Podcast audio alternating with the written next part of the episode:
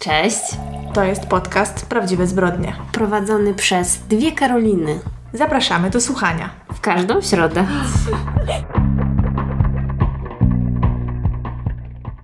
No, słuchajcie. Witamy dzisiaj w odcinku numer 180. Tak, nie mogę w to uwierzyć. Nie wiem, jak ten czas tak szybko leci. Co wy na to? Szok. Ja nie jestem. Już niedługo druga setka nam strzeli. Ja nie jestem co? Nie wiem, co chciałam powiedzieć w ogóle, aż mnie, wiesz, zamurowało. Mhm. Zanim do tego dojdzie, to opowiadaj, Karolina, co tam u ciebie? No bardzo dobrze. Ostatnio dużo więcej czasu spędzam na dworze, więc myślę, że to na pewno plus.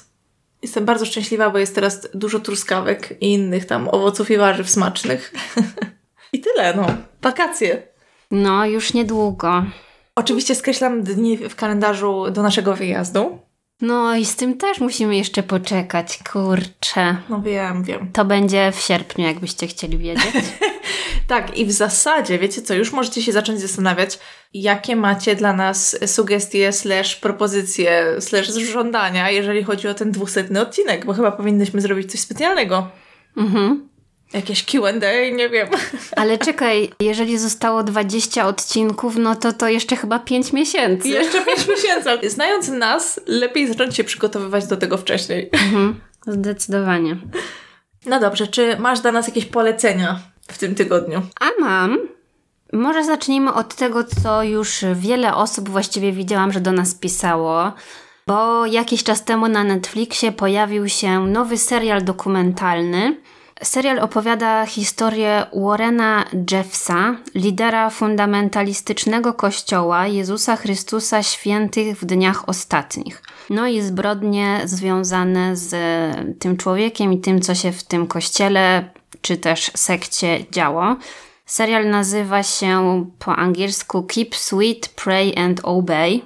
Ma tam parę odcinków, Widziałaś to już? Tak, oczywiście. Też chciałam dzisiaj o tym porozmawiać. No ja właśnie chciałam powiedzieć, że tak jak w przypadku schodów, chyba znowu mam problem, ponieważ y, ja oglądałam film dokumentalny pod tytułem Ofiary proroka na American Film Festivalu jakoś chyba parę lat temu, bo to jest film z 2015 roku i ten film zrobiła Amy Berg i on jest na podstawie książki o tym samym tytule napisanej przez sama Browera, który jest y, prywatnym detektywem, który właściwie spowodował, że ta sprawa ujrzała światło dzienne. Tak, bo on, on, też się w tym serialu wypowiada, co Dokładnie nie? to chciałam powiedzieć. On też jest jedną z gadających głów w tym serialu dokumentalnym. On ma bodajże cztery odcinki. Opowiada o tym, jak ta sekta działała od podszewki i po tym, jak ten prorok się zmienił z ojca na syna i co się potem w tej e, wspólnocie zmieniło. No i właśnie o tym samym jest ten film dokumentalny, mhm. także rozumiem, że znowu, jak nie wiadomo o co chodzi, to chodzi o pieniądze, no bo ten film powstał niezależnie i nie sądzę, żeby gdzieś był dostępny, bo jak mówię, widziałam go na festiwalu i on pewnie krążył po różnych festiwalach tam na świecie i w Ameryce i wątpię, żeby dało się go gdzieś teraz obejrzeć, więc w sumie spoko, że powstał ten serial, który jest na Netflixie i wiadomo, że wszyscy mają do tego dostęp, mniej lub bardziej. No, ale treść dla mnie jest taka sama, także w sumie nie zaskoczyło mnie to w żaden e, sposób. No ale wiadomo, sprawa mega wstrząsająca. Wstrząsająca też z tego powodu, że jakby nadal się dzieje w pewnym sensie, mimo to, że nie wiem, czy to powinnam zdradzać w zasadzie, ale e, mimo to, że ten prorok, przywódca tej sekty wylądował w więzieniu, to on nadal ma ogromną władzę nad osobami, które tkwią w tej sekcie bo tak chyba możemy to nazywać, niestety. I nadal wyrządza dużo krzywdy, myślę, a jest to człowiek no po prostu bardzo niebezpieczny, zainteresowany tylko własnym zyskiem i, i własną wielkością, jakąś wyimaginowaną. Ale może dlaczego ta cała ta sprawa jest taka szokująca, bo w zasadzie nie powiedziałyśmy.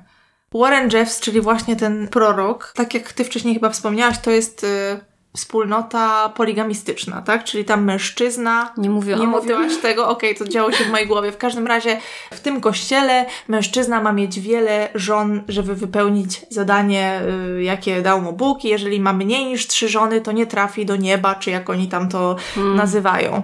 Także Wiadomo, że każdy mężczyzna chce mieć e, te trzy żony przynajmniej, a to ile masz żon zależy od tego, czy prorok ci je da, czy nie. Czy zobaczy, czy Bóg mu to przekaże, tak? Że powinieneś poślubić kolejną kobietę i kim ona będzie. No a w praktyce polegało to na tym, że jeżeli Warren cię lubił, to dostawałeś kolejną żonę, jeżeli nie, to nie. Hmm. I spadałeś na sam koniec tego łańcucha pokarmowego, a co więcej, często odbierano ci po prostu rodzinę i wyrzucano cię tej, z tej wspólnoty. E, wcześniej oczywiście majątek, firmy i, i wszystko inne ten prorok Warren gromadził sobie mnóstwo tych żon, coraz młodszych, i w pewnym momencie doszło do tego, że dzieci były najzwyczajniej w świecie zagrożone, dlatego że odbierano je matkom i wysyłano je na rancho, które miało być jakąś ziemią obiecaną w tym kościele. No i cóż, o tym opowiada ten serial, i myślę, że jest przykry do oglądania, dla kobiet zwłaszcza. No. No właśnie tragiczne jest to, jak są tam traktowane kobiety i dziewczynki. Poza tym też no myślę, że można to nazwać sektą ze względu na to, że ludzie tam mieli totalnie wyprane mózgi i też byli pozbawieni wszelkiej własności prywatnej, bo tak. właśnie te wszystkie majątki tak naprawdę były przepisywane na tego Warrena, no to wiadomo, że jakby na w religii... kościół, przepraszam, no, na tą organizację, tak, tak, tak. Tak, mhm. na kościół, a dlatego też mi się wydaje, że w Stanach sekty i te różne kościoły to jest taka studnia bez dna, niekończąca się historia i można by było takich dokumentów jeszcze bardzo dużo nakręcić, bo tam właśnie to prawo jest jakoś tak dziwnie skonstruowane, że tym takim kościołom tak naprawdę wszystko wolno. No, szokujące jest dla mnie to, że przez tyle lat i pewnie nadal się to dzieje w różnych miejscach, Nikt nie reaguje w teoretycznie cywilizowanym kraju, jakim są Stany Zjednoczone, kiedy 15 i 16 lat, a nie daj Boże, jeszcze młodsze dziewczynki są wydawane za mąż. No przecież to jest skandaliczne często za mężczyzn, którzy są kilkadziesiąt lat od nich starsi już. Mm. Abstrahując od tej różnicy wieku, w ogóle takie rzeczy, no to jest szok, że w jakichkolwiek Stanach są prawa, że ta kara nie jest na tyle wysoka, żeby kogoś jakby odstraszyć od tego pomysłu, prawda? Za, -hmm. za mhm. takie przestępstwa. No naprawdę straszne rzeczy. E, w tym programie wypowiadają się kobiety które z tej sekty odeszły i dosyć wprost mówią o tym, jak to wyglądało i nawet kiedy szły do tych przywódców religijnych, którzy mieli być tacy dobrzy i zaprowadzić je po prostu do nieba i prosiły o pomoc dlatego na przykład, bo mąż, nie wiem, je gwałcił czy, czy robił cokolwiek innego. Nie, no w życiu, jak to? Masz słuchać męża, zamknąć się i tyle. Także... No, straszne. Niestety, no jest to straszne. No także jeżeli ktoś jeszcze nie widział, no to możemy polecić. Jeżeli chcecie się zdenerwować. No tak, tak. Na pewno nie jest to przyjemne do oglądania, ale myślę, że każdy, kto to włączy, nie spodziewa się, że nie wiem, będzie z przyjemnością jadł popcorn oglądając to, prawda? Więc. Hmm. No. I w sumie jest to pierwszy dokument, yy, może poza tym o Abercrombie Fitch z Netflixa od bardzo dawna, który nawet mnie zainteresował. Mhm. No tak, jakoś mam wrażenie, że ostatnio wrócili mhm. do produkcji takich w miarę interesujących dokumentów. Bo tam widziałam, że jeszcze parę takich z gatunku true crime nowych jest, ale jeszcze nie miałam czasu, żeby obejrzeć, ale coś tam się pojawiało nowego ostatnio. A przepraszam, jeszcze był ten Tinder Swindler, czy jak on się tam... Ale to taki film, no powiedzmy, to to samo co Abercrombie Fitch, prawda? Bo w ostatnim czasie mam wrażenie, że te ich miniseriale były takie trochę nudne. Mhm. A ja ostatnio też z innej beczki trochę mam chwilowo dostęp do Apple TV Plus mhm. i postanowiłam sobie coś tam obejrzeć. Seriali jeszcze nie, nie pokończyłam, właściwie tych, które zaczęłam oglądać, także o tym jeszcze nie powiem, ale ostatnio miałam taki dzień, że miałam ochotę oglądać po prostu zwykłe filmy. Dawno mi się to nie mhm. zdarzyło. I zupełnie nie rozumiem, jak ominęło mnie to, że na Apple TV już chyba od dwóch lat jest film, który powinien mnie zainteresować, bo gra tam główną rolę Bill Murray. Mhm. I jest to film Sophie Coppoli.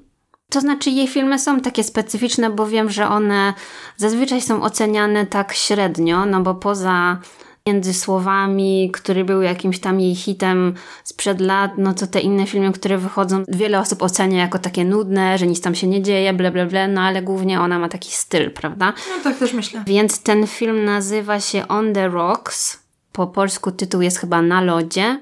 I tam właśnie Bill gra rolę takiego podrywacza, ale starszego pana, który jest takim bardzo właśnie ekstrawaganckim człowiekiem i on ma córkę, którą gra też bardzo fajna aktorka, bo Rashida Jones.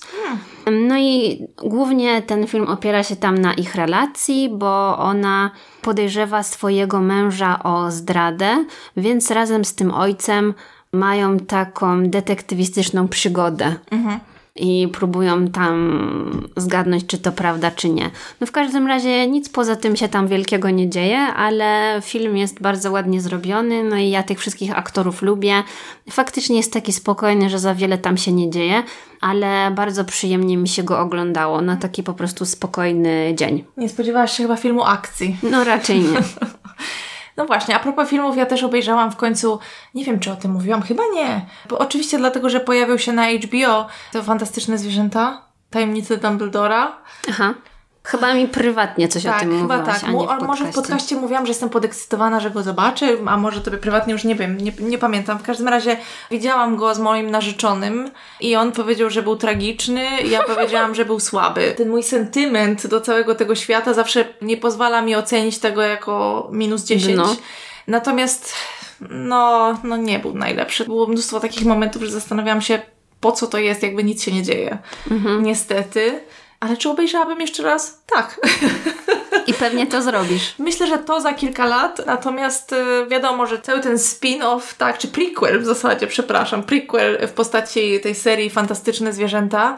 Pamiętam jak poszłam, i to też mogłam o tym już kiedyś mówić, pamiętam jak poszłam na pierwszą część tego do kina i wyszłam taka zawiedziona, płakać mi się chciało. Mm. Bo ja chyba w mojej głowie liczyłam na to, że w jakiś sposób cofnę się po prostu w czasie i poczuję się, wiesz, tak jak wtedy, gdy miałam tam te 11 mm, lat. To jest niemożliwe. Tak, tak, to jest, to jest niemożliwe po pierwsze nie mam już tyle lat, po drugie to nie jest to samo i tak dalej. W ogóle ta historia nie jest tak pociągająca jak Harry Potter przecież. No ja tak. pamiętam, że ja właśnie chyba tylko pierwszą część widziałam w kinie, mhm. a reszty już w ogóle nie oglądałam. Chociaż wydaje mi się, że jakbym była chora, oczywiście nie życzę sobie tfu, tego, ale jakbym była chora w najbliższym czasie i miała taki dzień na zmulanie, to może bym to włączyła, ale jakoś zupełnie mi się do tego nie pali.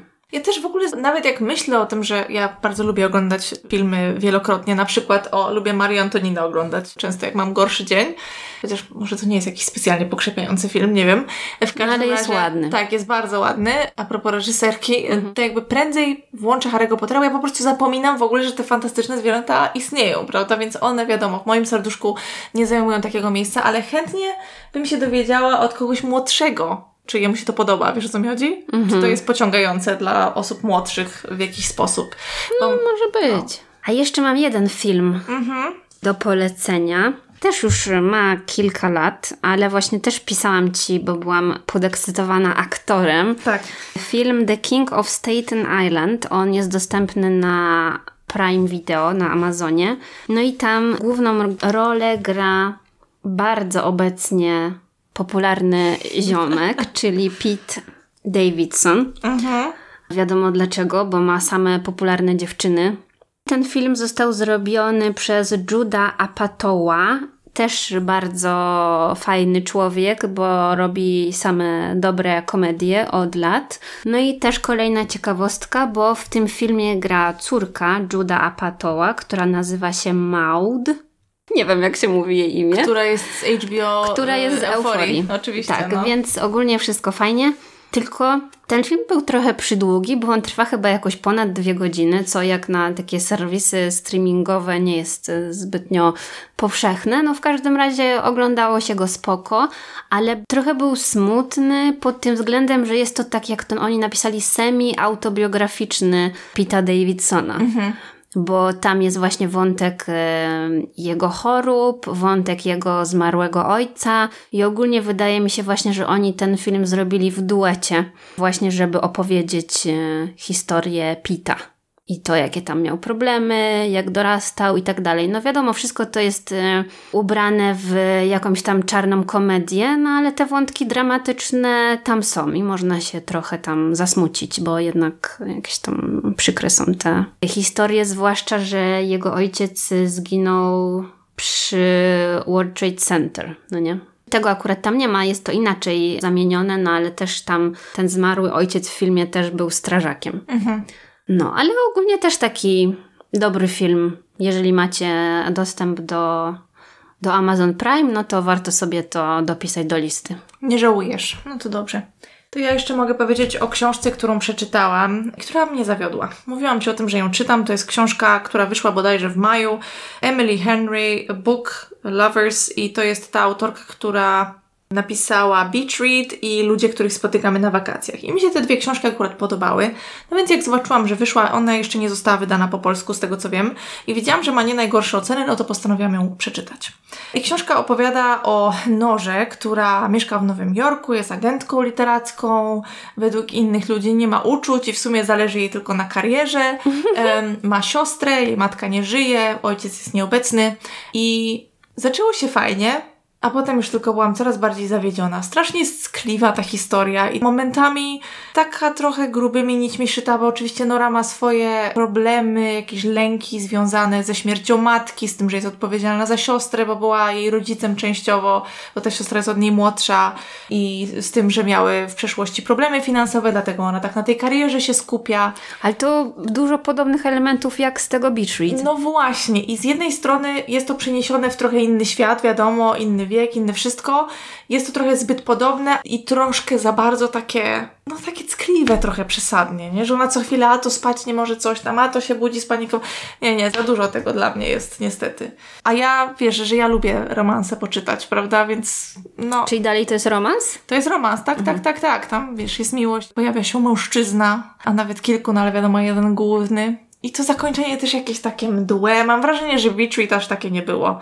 A już na pewno nie ludzie, których spotykamy na wakacjach, bo chyba ta mi się podobała najbardziej ze wszystkich trzech. to ja tej nie znam. No. A swoją drogą możemy pozdrowić wydawnictwo poznańskie i naszą słuchaczkę, która tam pracuje, bo właśnie oni wydają książki tej pani autorki, jak ona się zwie? Emily Henry. Emily Henry wydają je po polsku. Tak, pozdrawiamy. Także Beach Read i tą drugą y, możemy polecić. Dokładnie. A z tego, co mówisz, to trzecią nie.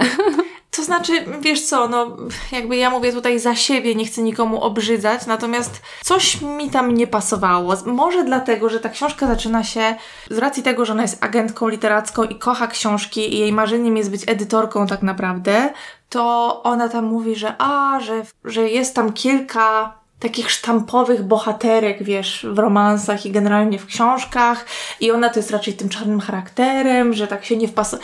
No nie wiem, jakoś, mm, no coś, coś było nie tak, coś było nie tak. Ale myślę, że na plaży i tak się nada. Mm.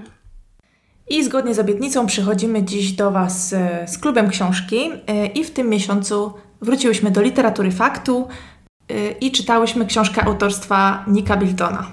Pod tytułem Król Darknetu Polowanie na genialnego cyberprzestępcę. Jest to książka po polsku wydana przez wydawnictwo Czarne z naszej ulubionej serii amerykańskiej.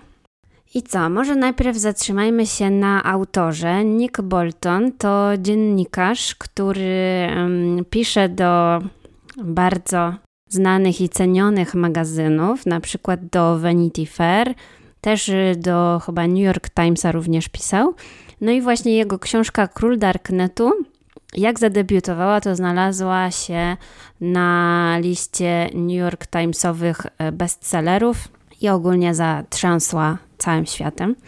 A sam autor, on też y, zajmuje się filmami bo wyreżyserował, napisał i wyprodukował ten film Fake Famous, który jest dostępny na HBO.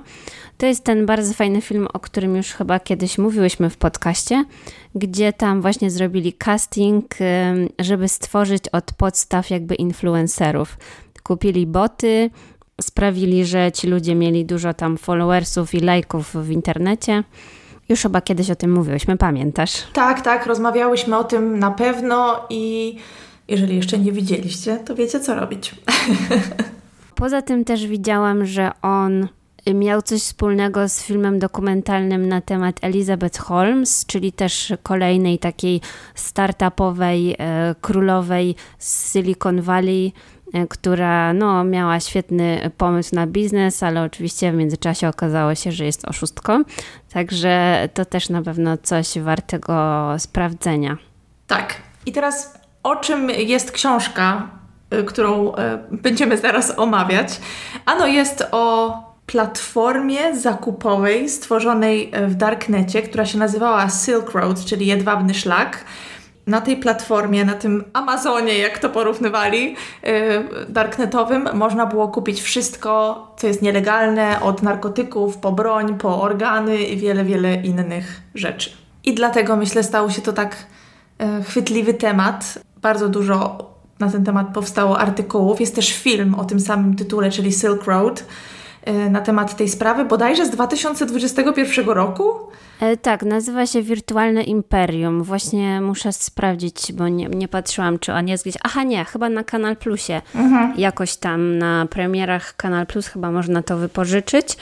Muszę sprawdzić, ale też widziałam, że parę dokumentów też na ten temat tak. powstało, tak. bardzo dużo artykułów, no także ogólnie przyznam, że jak dopiero dowiedziałam się o tym, całym zjawisku i o tym twórcy, bo nie wiem, czy powiedziałyśmy jego imię, Ross nie. Ulbricht. Dokładnie.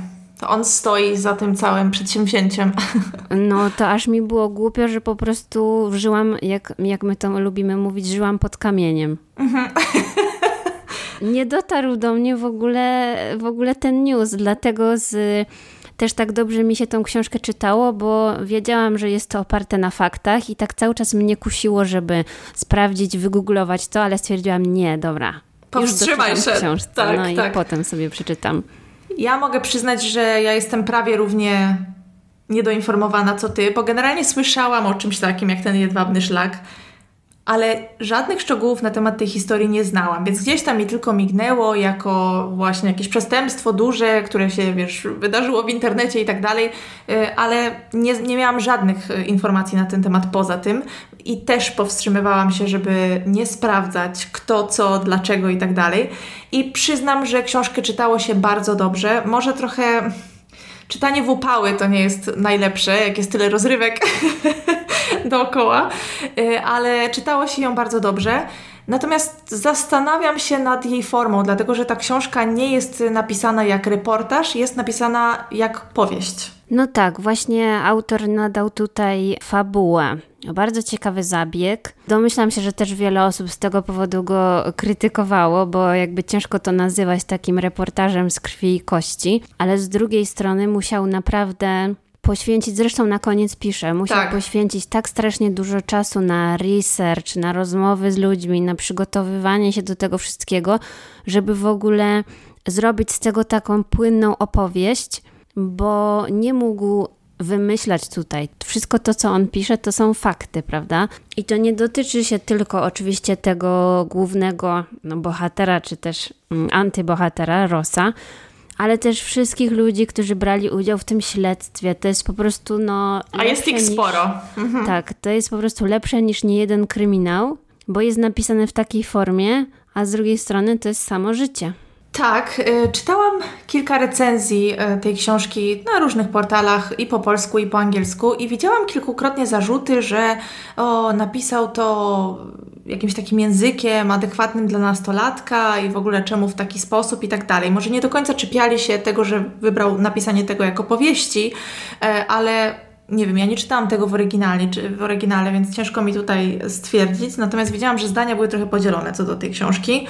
No tak, właśnie też widziałam, że jakby ten taki dramatyzm, mhm. jaki jest nadany tej historii, przez to, że jest podzielona na rozdziały i każdy rozdział kończy się takim cliffhangerem. Tak to troszeczkę nadaje takiego patosu, no bo tak naprawdę nie ma co tutaj robić sztucznego napięcia, ponieważ jakby teoretycznie wszyscy wiedzą, e, co się stało, no nie? Mhm. Ale z drugiej strony dlatego dobrze się to czyta, zwłaszcza jeżeli ktoś nie zna tej historii tak od podszewki, mhm. bo czyta się to, no, po prostu bardzo, bardzo łatwo. Właśnie jestem ciekawa, jak y, czyta się to osobom, które znały tą historię, y, które wiedziały o co chodzi wcześniej, zanim sięgnęły po książkę, bo właśnie dla Ciebie i dla mnie to było dosyć sensacyjne pewnie, prawda? No. Y, I, gdzieś tam człowiek chciał wiedzieć, o co będzie dalej, co będzie dalej, mimo, wiedziała, mimo to, że jakby wiedziałam, że skończy się tak, że Ross pewnie skończy za kratkami, natomiast jakby byłam ciekawa, co się wydarzy. No bo gdyby nie skończył za kratkami, to wszystkich tych informacji by nie było. No prawda? No właśnie, Więc, dokładnie, no. dokładnie. Co mi się podobało w tej książce, to właśnie e, ilość tych różnych agentów, bo tak jak zwykle narzekałam na to, że jest za dużo osób w książce i się mylę, to tutaj w ogóle mi to nie przeszkadzało, wręcz przeciwnie, bardzo mi się podobało, jak pokazali współpracę, czy też brak współpracy między no, różnymi no, no. organami ścigania, to było super, uważam. I w sumie, jeżeli tak to wygląda, to strasznie mi jest przykro, naprawdę, bo w sumie dziwne, że oni cokolwiek, kiedykolwiek rozwiązują. Tak, bo może warto też y, przypomnieć, że ta strona, ten marketplace y, powstał w 2011 roku. Właściwie y, ta strona była żywa przez dwa lata czy też nawet i ponad dwa lata, ponad bo została chyba. Mhm. zamknięta w październiku 2013 roku, no czyli jakieś dwa i pół roku to wszystko trwało. No i cały czas czytając tą książkę miałam ochotę z kimś o tym porozmawiać. I teraz właściwie nie wiem, co mam powiedzieć, bo po prostu wszystko, każdy, wszystko to, co tam było opisane jest dla mnie takie wow, co, jak, gdzie.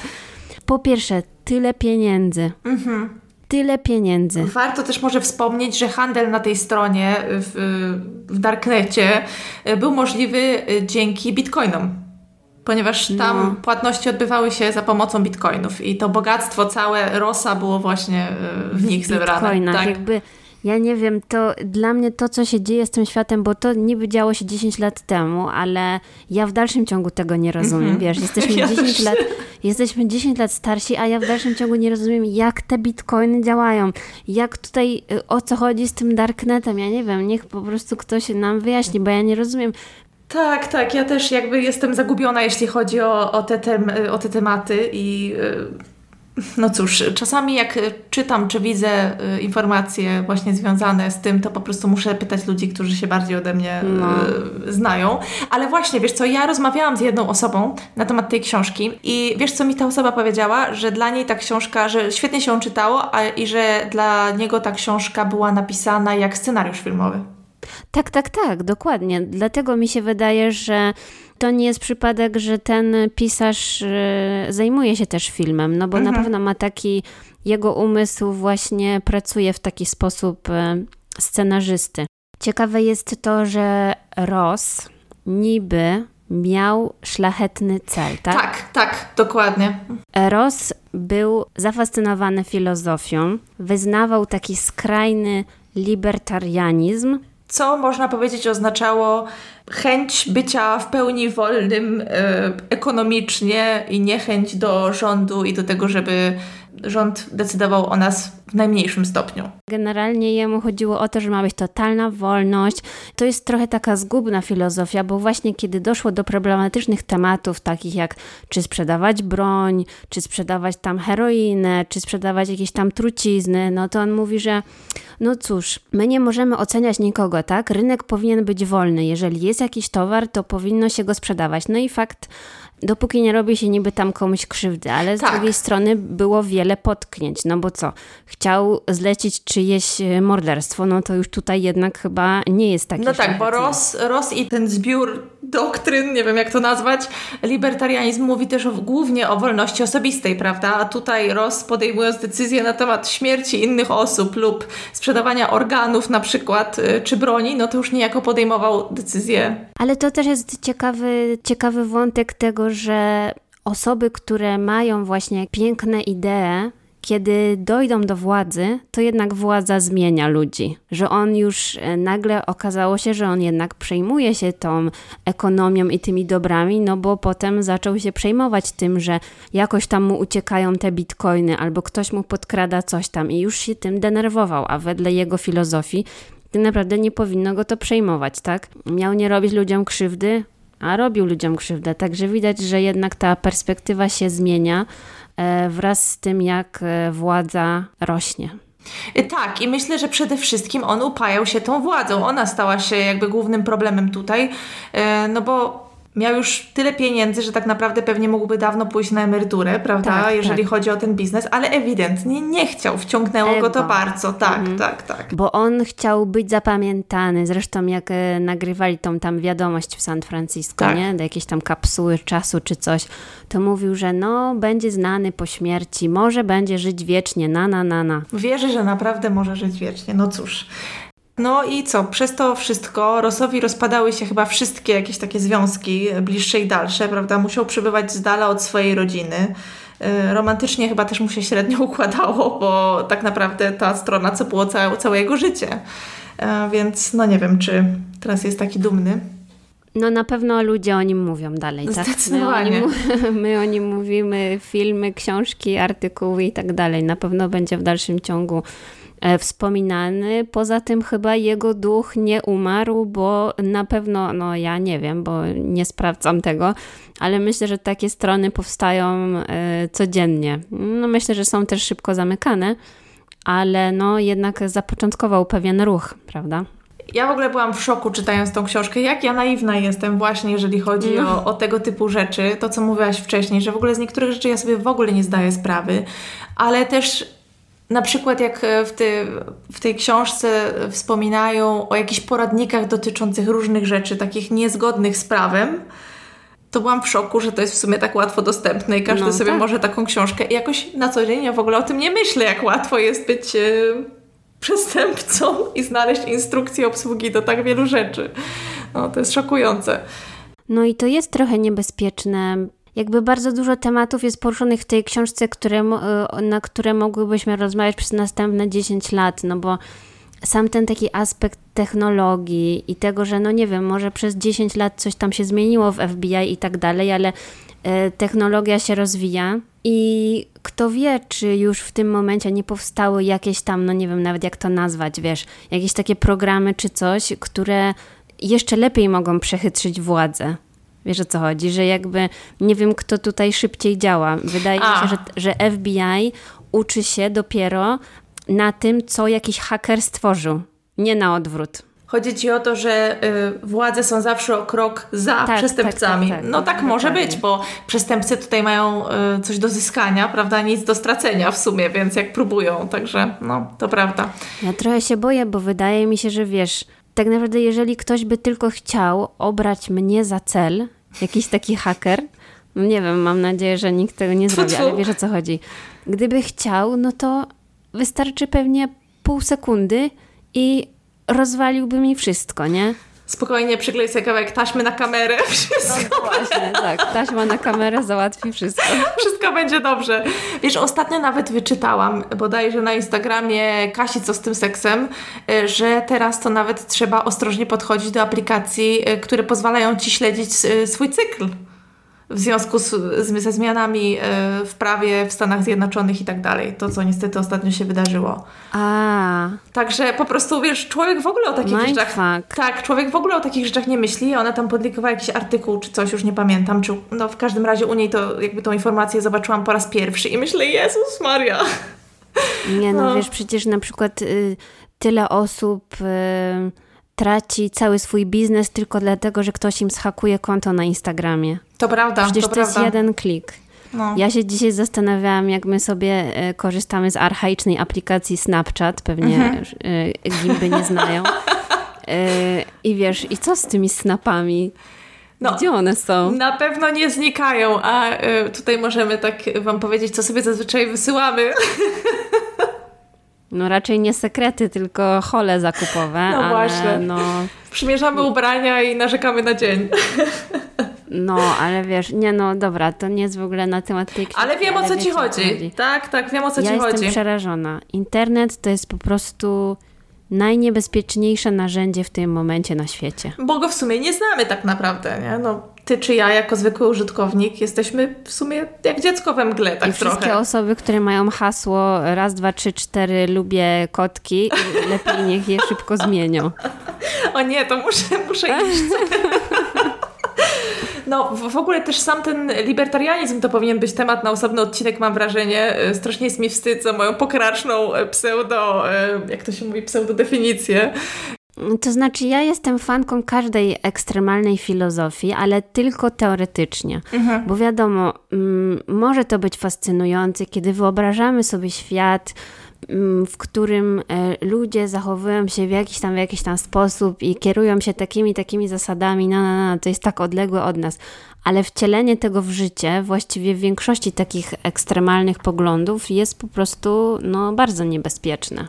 No i to, co się stało z Rosem, że on w zasadzie zaczął swoje własne granice gdzieś tam przesuwać, prawda? Bo przecież on z natury y, na początku książki wydaje się być bardzo miłym, pomocnym, życzliwym no, chłopcem. Nie? A potem, potem jednak nagle okazuje się, że jest w stanie podjąć decyzję typu zlecam zabójstwo bez mrugnięcia. Y, czy tak się faktycznie stało? Nie wiem, y, bo jak y, po przeczytaniu czytałam tam jakieś informacje na jego temat, to nigdy mu w sumie nic nie udowodniono, jeśli chodzi tak. o, o zabójstwo, nie odnaleziono żadnych ciał i tak dalej.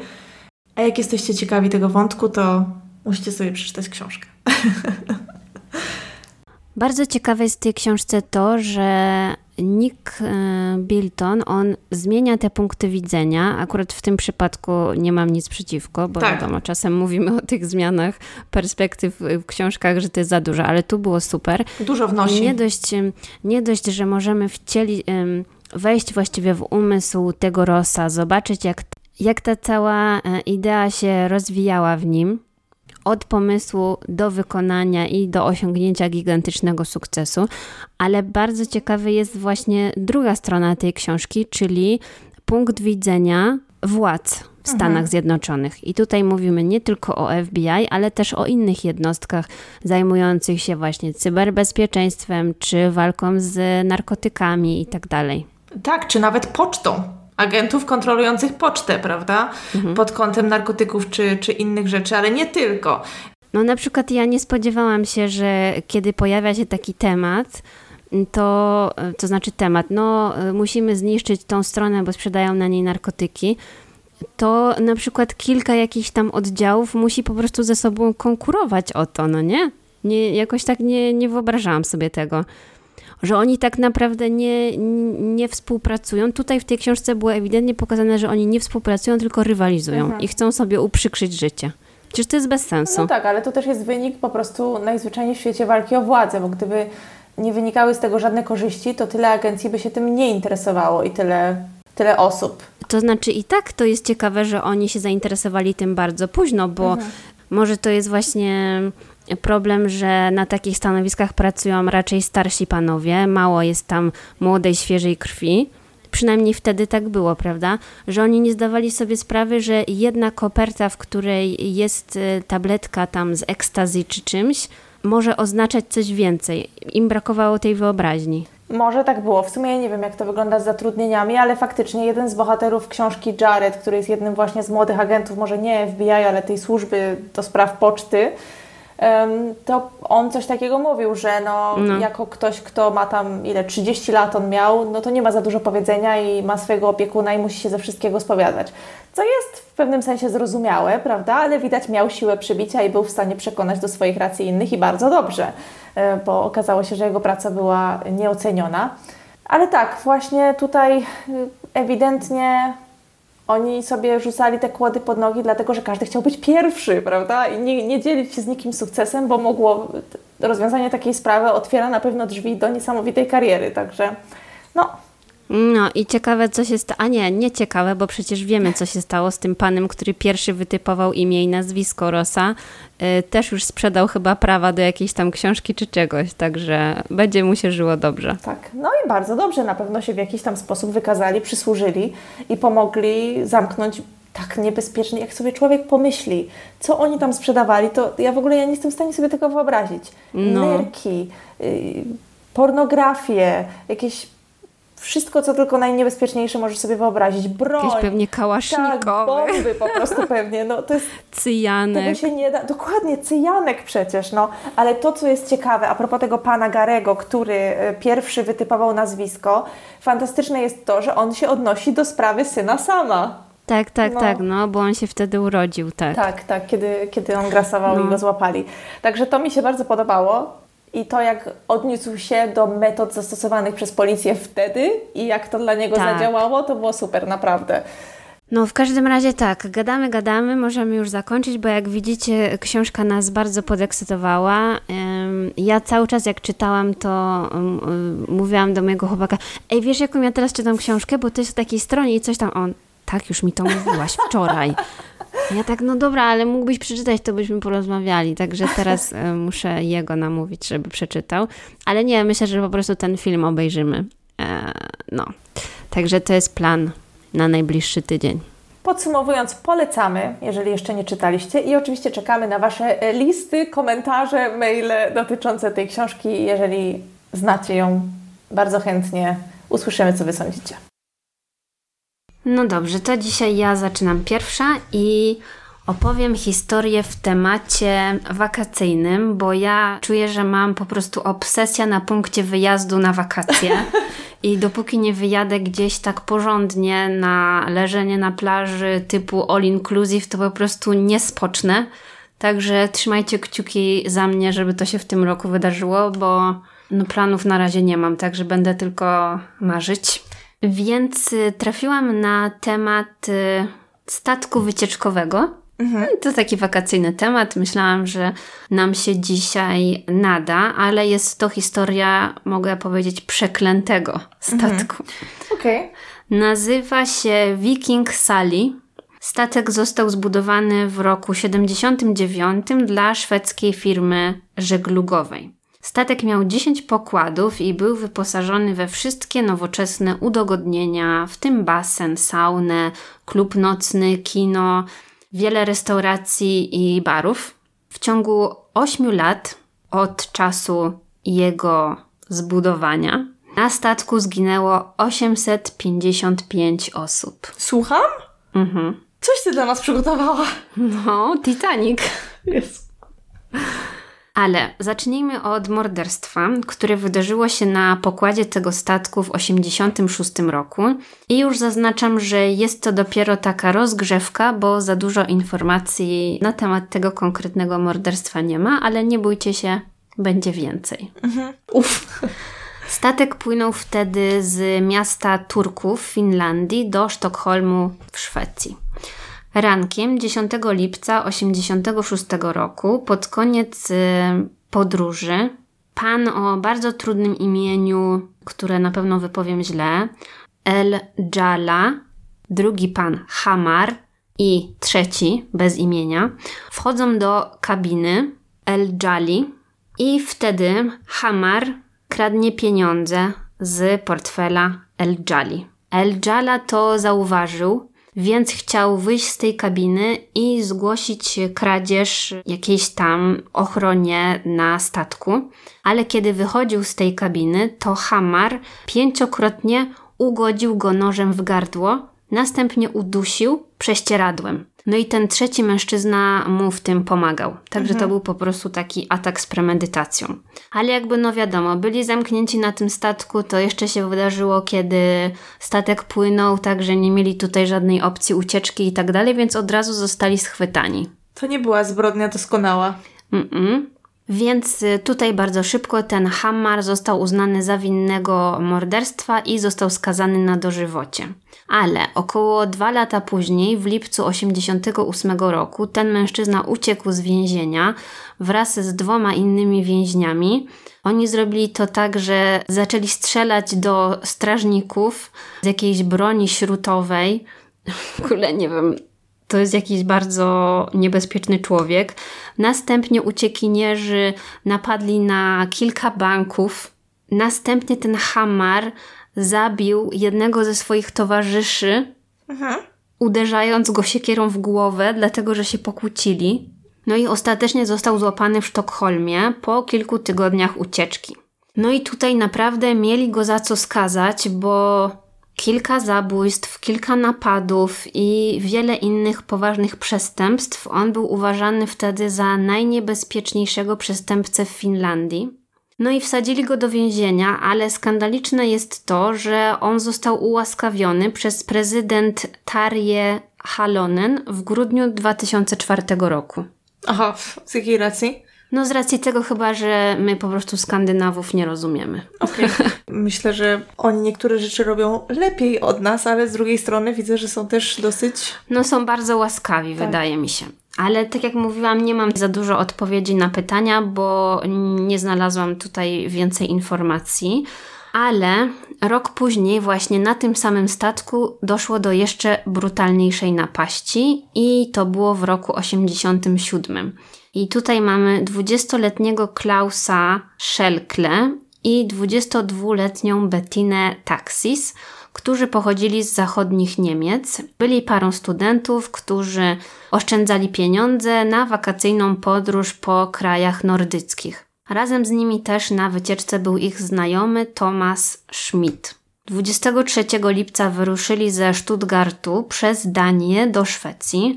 Zatrzymali się na kilka dni w Sztokholmie i o godzinie 22 27 lipca wypłynęli statkiem Viking Sali z portu w Sztokholmie do Turku Finlandii, gdzie statek miał dotrzeć o godzinie 8 rano następnego dnia. Bo ci studenci planowali uczestniczyć w festiwalu Ruiz Rock, który tam dział się właśnie w Finlandii, a później kontynuować podróż do Laponii i wrócić z powrotem do Niemiec e, wybrzeżem norweskim. Także fajna wycieczka. Na pokładzie tego statku było wtedy 1400 pasażerów i 200 członków załogi. Statek był wyjątkowo luksusowy jak na tamte czasy. W restauracjach i sklepach już tworzyły się kolejki, pasażerowie, którzy mieli zarezerwowane kabiny, kwaterowali się w nich i tak dalej, a inni, jak właśnie ci studenci, szukali potencjalnego miejsca do spania, bo tak naprawdę rezerwowanie kabiny nie było obowiązkowe, bo zawsze można było się też przekimać gdzieś tam po prostu na statku. Na, na leżaku. No, no. No bo właśnie oni nie mieli pieniędzy, więc nie zarezerwowali dla siebie żadnej kabiny ale mieli ze sobą śpiwory, więc spokojnie właśnie na jakimś leżaku chcieli się przespać, no bo płynęli tak naprawdę tylko noc i rano już mieli być na miejscu. Podczas tej podróży oni rozmawiali z innymi pasażerami, na przykład z fińskim dealerem samochodowym, który wracał z Niemiec, albo z jakimś Brytyjczykiem, który płynął na spotkanie z dziewczyną, która mieszkała w Finlandii, Ogólnie tam nawiązali jakieś znajomości, dobrze się bawili. Klaus i Bettina postanowili ulokować się na platformie do lądowania helikopterów tam na statku, bo to było takie ustronne miejsce z dobrym widokiem na wschód słońca. Więc planowali, że rano będą mieć ładne widoczki, no nie, do oglądania. A Tomas pewnie nie chciał im przeszkadzać w romantycznym wieczorze, więc poszedł spać piętro niżej, no i tak się rozstali. A że pogoda dopisywała, no to późnym wieczorem na tej platformie zebrało się sporo innych pasażerów, którzy też podziwiali tam widoki, bo statek oddalał się od archipelagu sztokholmskiego, więc no wszystko ładnie tam wyglądało pewnie sobie drinkowali i tak dalej. No i przed pójściem spać Klaus i Bettina spacerowali po statku, rozmawiali znowu z jakimiś tam ludźmi, no i ogólnie dobrze się bawili. Około pierwszej w nocy Klaus i Bettina wrócili na tą platformę, żeby po prostu pójść spać. Kiedy zapadł zmrok, no to gwar na statku ucichł, bary zamykano między trzecią a czwartą nad ranem, większość pasażerów już spała w swoich kabinach. Ale o godzinie 3.45 trzech duńskich harcerzy, którzy kręcili się po statku wtedy, nagle zobaczyli kobietę i mężczyznę w bardzo dziwnym stanie. Początkowo myśleli, że para jest pijana, bo mieli trudności z wydostaniem się ze swoich śpiworów, jakoś tam się przewracali, ale niestety szybko okazało się, że są po prostu ranni. To był Klaus i Bettina, którzy doznali poważnych obrażeń głowy. Ich twarze były całe we krwi, właściwie tracili przytomność. Więc jeden z chłopców, który znał się na pierwszej pomocy, próbował im pomóc, ale szybko zrozumiał, że no nic tutaj nie wskóra, więc inny chłopiec szybko pobiegł do recepcji wezwać pomoc. Pielęgniarka i szef ochrony statku przybyli na miejsce zdarzenia. Fińska Straż Przybrzeżna została poinformowana przez radio o tym zdarzeniu, a na statek wysłano helikopter ratunkowy. Pielęgniarka natychmiast y, dostrzegła tą powagę sytuacji i zaczęła udzielać im pierwszej pomocy. W międzyczasie helikopter tam przyleciał i przetransportował ofiary do szpitala uniwersyteckiego w Turku o godzinie 5.48 nad ranem. Na miejscu niestety lekarz stwierdził zgon Klausa, bo on miał bardzo głębokie obrażenia głowy, uderzenia przebiły mu czaszkę. Stan Bettiny był bardzo poważny, bo ona miała podobne obrażenia, ale cudem przeżyła. I początkowo podejrzewano, że narzędziem zbrodni musiała być siekiera. Przed godziną 6.30 na statek przybyła policja z Turku oraz ekipa kryminalna. Oni tam przylecieli swoją drogą tym samym helikopterem. Policja natychmiast zabezpieczyła górny pokład i wezwała pomoc lokalnych jednostek policji. No i gdy statek dotarł do celu, no to rozpoczęto przesłuchiwanie pasażerów. Statek zacumował w porcie w Turku o godzinie 8.10. Pasażerowie zostali wyprowadzeni ze statku tylko jednym wyjściem, bo pozostałe wyjścia zostały zamknięte, a łodzie policyjne krążyły też w wodzie, żeby upewnić się, że nikt niczego nie wyrzucił, co też całkiem sprytne. Policja użyła trzech kamer, żeby filmować wszystkich pasażerów wysiadających ze statku, żeby mieć pewność, że uchwycono wszystkich. Jedna z kamer filmowała szczególnie młodych mężczyzn, a druga każdego, kto zachowywał się podejrzanie.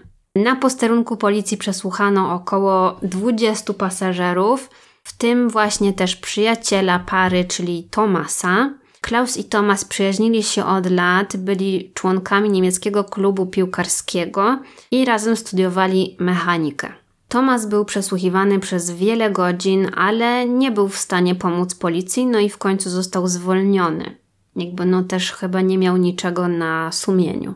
Patrick Haley, on był Brytyjczykiem, który właśnie rozmawiał z parą tamtego wieczoru. Był wielokrotnie przesłuchiwany w trakcie śledztwa, dlatego że tego samego ranka został znaleziony w śpiworze cały we krwi. No i to było dosyć dziwne. No tak. Zwłaszcza, że domyślam się, że nie miał obrażeń. Ale właśnie no antyklimaks, ponieważ on powiedział, że w nocy miał krwotok z nosa i że po prostu obudził się cały zalany krwią i że to była jego własna krew. No i faktycznie zrobili badania i potwierdziło się to, że to była jego krew, niczyja inna. Mhm. no więc został zwolniony. Spośród 20 potencjalnych podejrzanych, żadna z y, tych historii i tych osób nie wzbudziła dalszych podejrzeń, więc ostatecznie wszystkich oczyszczono z zarzutów, no i śledztwo utkwiło w martwym punkcie. Ale w związku z tą sprawą policja rozmawiała z około tysiącem osób.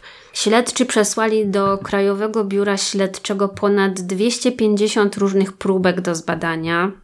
Zadania dochodzeniowe przeprowadzono w dziewięciu krajach, no ale niestety to do niczego nie doprowadziło. W każdym razie ewidentnie widać, że tutaj policja, no wydaje się, że odwaliła kawał jakiejś roboty. Nie wiem, czy dobrej, w każdym razie na pewno zrobili to, co mogli. Ale w następnym sierpniu dwóch rybaków znalazło worek z ubraniami u wybrzeży wyspy Lila Bjurnholm i wśród tych ubrań znalezionych e, w tym worku były buty w rozmiarze 41, jasne shorty, czerwony sweter i para jakichś roboczych rękawic z inicjałami HK. Większość tych ubrań była produkcji fińskiej, no i wzięli pod uwagę kierunek wiatru i jakąś tam lokalizację tego worka i stwierdzono, że jest duże prawdopodobieństwo, że ten worek e, pochodził właśnie od pasażera, który przebywał wtedy na pokładzie Viking Sali. No ale to też tak naprawdę w śledztwie nie pomogło na ten moment. Przez lata wielokrotnie przeglądano nagrania wideo, właśnie które kręcili, kiedy wszyscy pasażerowie wychodzili szukali czegokolwiek, jakiegoś takiego, wiesz, elementu tej układanki, który został jakoś tam pominięty. No i przełom w tej sprawie nastąpił we wrześniu 2020 roku, więc hmm, praktycznie. dużo czasu później. Ponad 30 lat później. Mhm. Wtedy policja w Turku ogłosiła, że rozwiązali sprawę. No i właśnie, że ta 33-letnia zagadka w końcu została rozwikłana. Przy okazji udzielono w prasie informacji, że siekiera nie była narzędziem zbrodni, że eksperci porównali obrażenia i narzędzia zbrodni i doszli do wniosku, że te rany nie mogły być zadane siekierą, tylko jakimś innym narzędziem. No i niedługo później policja aresztowała duńskiego podejrzanego, który w chwili ataku miał 18 lat, był harcerzem i był pasażerem statku Viking Sally. Na początku procesu w maju prokuratorzy twierdzili, że mężczyzna, którego podano tylko imię i inicjał, czyli Herman H., prokuratura twierdziła, że on przyznał się do winy podczas przesłuchań w przeszłości. I właśnie w związku z tym powinien zostać skazany na dożywocie. No ale ten Herman zaprzeczył oczywiście wszelkim zarzutom, a jego obrońcy stwierdzili, że te zarzuty są w ogóle bezpodstawne. No i niestety sędziowie odrzucili wnioski prokuratury. Stwierdzili, że to rzekome przyznanie się do winy nie oznacza, że winę oskarżonego można uznać za udowodnioną lub choćby prawdopodobną. To jest cytat. Bo sędziowie uznali, że wcześniejsze rozmowy policji z podejrzanym nie mogą być uznane za dowód. Domyślam się, że nie przestrzegli pewnych jakichś tam protokołów czy coś. I dlatego no, ci policjanci pewnie byli strasznie wkurzeni, bo oni może usłyszeli z jego ust przyznanie się do winy, ale nie mogli tego w żaden sposób udowodnić. Sędziowie też stwierdzili, że prokuratura nie udowodniła żadnego motywu. No tak, bo to wydaje się być zupełnie bez sensu. Na początku myślałam, że to może ten ich kolega czy coś, nie wiem, Mhm. jakiś wzgardzony kochanek albo, nie wiem, Mhm. porzucony przyjaciel. No i niestety problemem też było to, że kluczowym świadkiem w tej sprawie była była żona oskarżonego i ta kobieta odmówiła złożenia zeznań.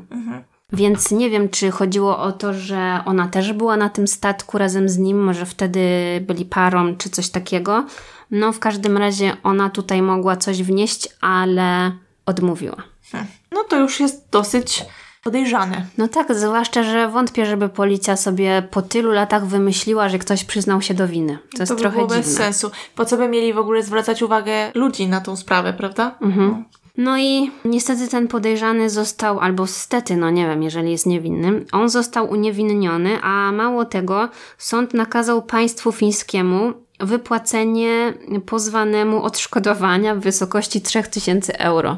To jak był niewinny, to miło. Mhm. Także jeszcze została mi do opowiedzenia trzecia tragedia, jaka wydarzyła się na tym statku. No i biorąc pod uwagę ilość ofiar, jaką podałam na początku, to myślę, że możecie się domyślić, o co tutaj chodzi. Bo Viking Sally kilkakrotnie zmieniał nazwy w kolejnych latach. Wcale się nie dziwię, pewnie chcieli troszeczkę się pozbyć tej Oczyścić, złej... no. Tak, sławy, no. Był znany jako Silja Star i Vasa King, a ostatecznie otrzymał nazwę Estonia.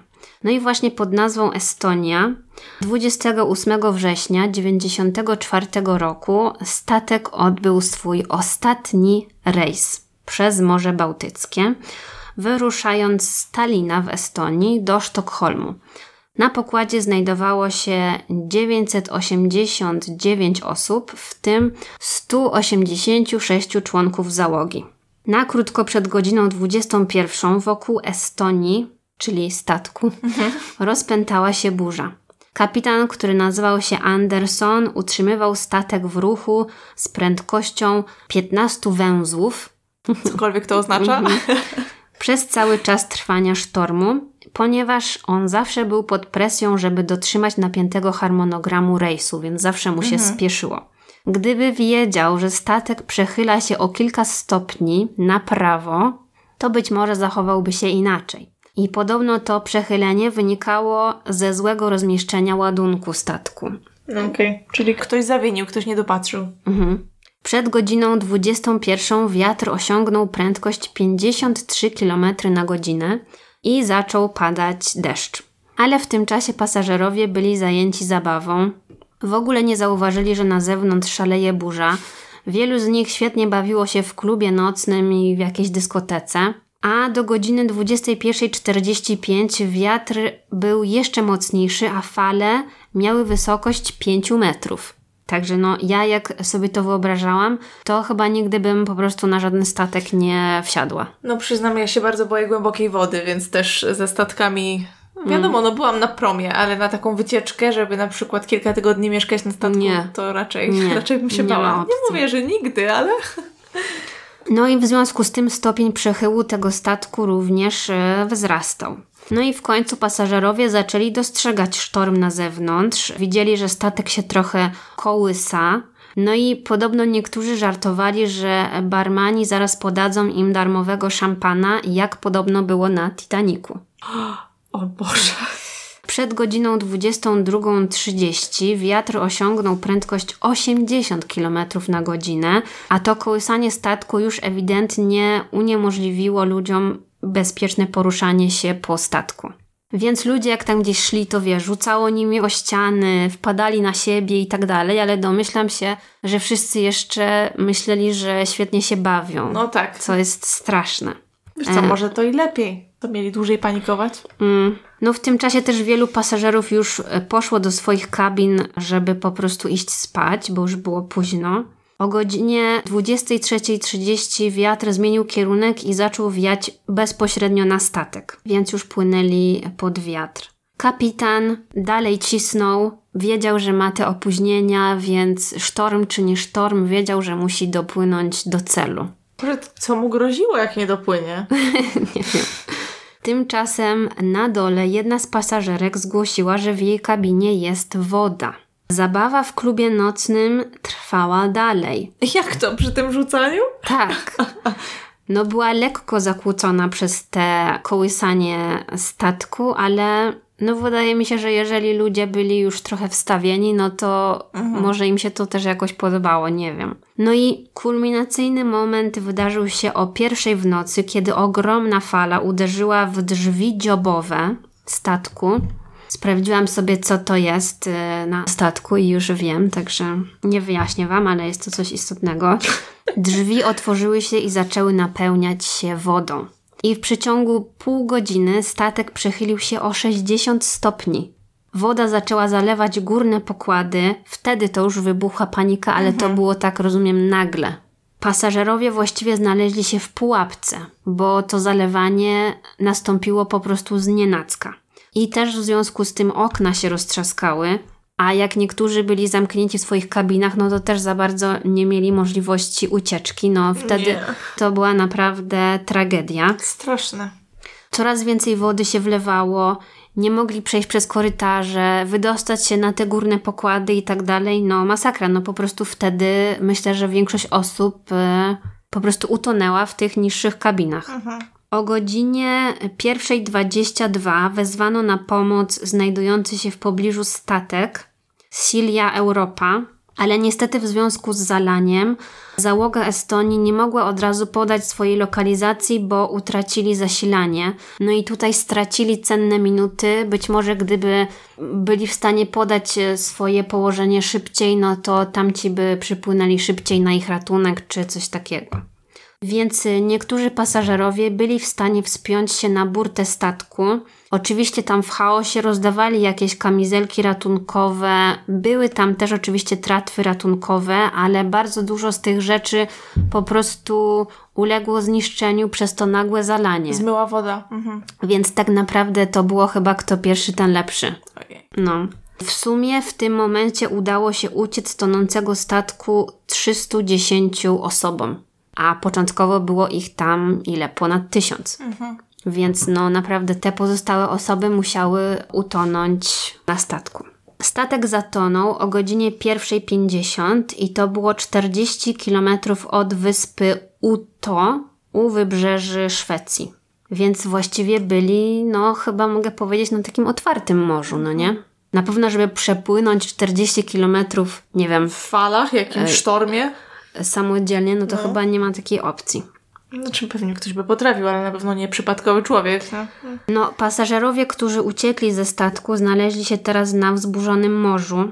Wiadomo, z Titanica nie mogli zasnąć. Mhm. Musieli się trzymać.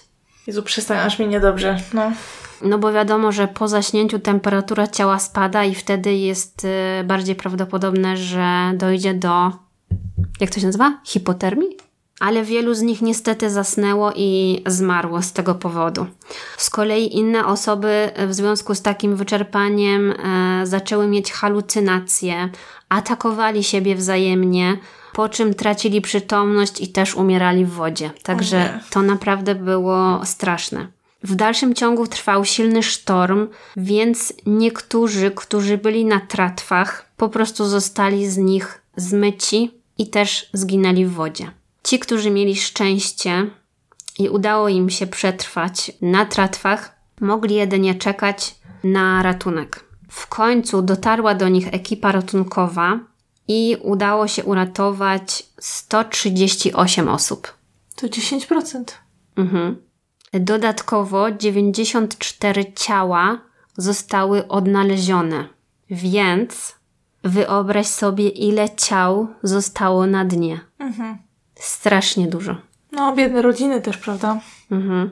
Bo według obliczeń władz e, oszacowali, że 996 osób było na statku, kiedy on zatonął. Więc tak podsumowując, 852 osoby straciły życie. I jest to drugie po Titanicu najbardziej tragiczne w skutkach zatonięcie statku europejskiego. I tutaj w każdym źródle podkreślali w czasie pokoju, czyli oczywiście nie bierzemy pod uwagę e, wojny. Dzień po zatonięciu statku rozpoczęto dochodzenie. Śledczy składający się z urzędników z Finlandii, Szwecji i Estonii przeprowadzili rozmowy z rozbitkami, żeby wiedzieć właściwie, co tak naprawdę się stało. No i tutaj ciekawe, bo władze były zaskoczone, że tak dużo członków załogi ocalało. I również byli zaskoczeni, że ocalało bardzo niewiele kobiet i zero dzieci. Jezu, co? A wiesz, co to oznacza? Że w większości przeżyli młodzi mężczyźni i to przeczy jakimś tam protokołom. Wydaje mi się, że pewnie osoby, które pracują właśnie w takich warunkach, czy na statku, czy w samolocie i tak dalej, no oni mają pewne procedury, że najpierw ratujemy kobiety i dzieci, tak? Potem ratujemy osoby starsze, a na koniec ratujemy młodych, silnych mężczyzn, którzy teoretycznie, oczywiście jakby... To jest wszystko, tak, tak, no. No ale są takie jakby tradycyjne jakieś tam protokoły zachowywania się w kryzysowych sytuacjach. Rozumiem, a tu mogło być tak, że ten, kto silniejszy, to sobie Tak. wywalczył miejsce Tak. na tratwie, tam kogoś odepchnął, kogoś Tak. popchnął. No tak, w chaosie. Właśnie. O, No i też problem jest z tym, że załoga, jakby ja tego nie popieram, no ale z drugiej strony rozumiem, że tak jak się mówi, że kapitan schodzi ostatni, no nie, z No. pokładu i tak dalej. No ale po to jest ta załoga, która jest przeszkolona, nie po to, żeby oni pierwsi wskakiwali do tratwy, tylko żeby wskazywali ludziom no drogę, tak, skąd tak? ludzie mają potem wiedzieć, co mają robić, prawda? Jeżeli nikt ich nie pokieruje. Z No drugiej i- strony, jak tu kogoś oceniać, dopóki, dopóki się No, samemu nie było w Ale takiej... teoretycznie właśnie dlatego dziwne jest to, że tak dużo osób z załogi przeżyło, co jest jakkolwiek w ogóle, no wiecie, okropne, żeby tak mówić. No ale podobno statystycznie zakłada się, że z załogi przeżywa mniej, dlatego że w tych kryzysowych sytuacjach oni powinni pomagać. No ale tutaj jakby ja się tylko kieruję jakimiś tam artykułami, nie wiem, może to jest błędne myślenie i tak dalej, no ale jakby rozumiem, że ma to w pewien sposób sens. Z drugiej strony, może po prostu te osoby z załogi też miały lepsze warunki do tego, żeby przetrwać już po opuszczeniu statku, prawda? Może byli, nie wiem, lepiej wyćwiczeni, jak tam zachować się, nie wiem, na morzu, czy no na pewno pływać, czy bardziej coś. się znali, oczywiście, że tak. Chociaż to z tymi dziećmi to jest faktycznie dziwne, że nikt nie zadbał o to, żeby najpierw dzieci ewakuować. No, Bo rozumiem, że były tam dzieci, tak? no tak, tak, tak. No, bo właśnie.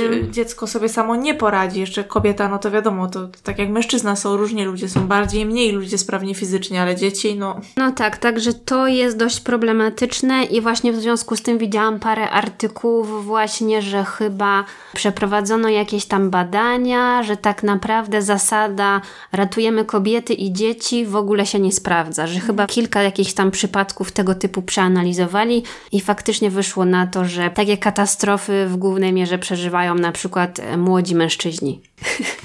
Karolina robi miny. E, Rozumiem, że pozostawiamy to bez No komentarza. jest jak jest, co możemy powiedzieć, no, no. Silniejszy po prostu No, taka jest- przetrwa, no. Tak, no, no cóż. Czy można z drugiej strony też oczekiwać od kogoś y, po prostu bezgranicznego poświęcenia? No, No nie, nie, no nie. właśnie, więc ciężko tu w ogóle to w jakiś w jakiś sposób oceniać. No jeżeli nie ma nikogo, kto w tej panice stałby z batem i wpuszczał na tratwy tylko dzieci, tak, z odpowiednimi opiekunami, no to co zrobisz, tak, no. Nie, no wiadomo, Myślałam ja się, też, też, no. wiesz, mhm. no ja też nie mówię, że ja bym się zachowała jakoś lepiej, ale No właśnie, jakby- tyle o sobie no. wiemy, ile nas sprawdzono, nie, no. Tak, dokładnie. No po prostu mówię tylko o tym, że to był jakiś tam fakt, Tak. który zauważono przy prowadzeniu śledztwa. Mhm. Więc tak, ocalali, powiedzieli, że statek mocno staczał się na falach i było słychać e, bardzo głośne uderzenia metalu podczas tego sztormu.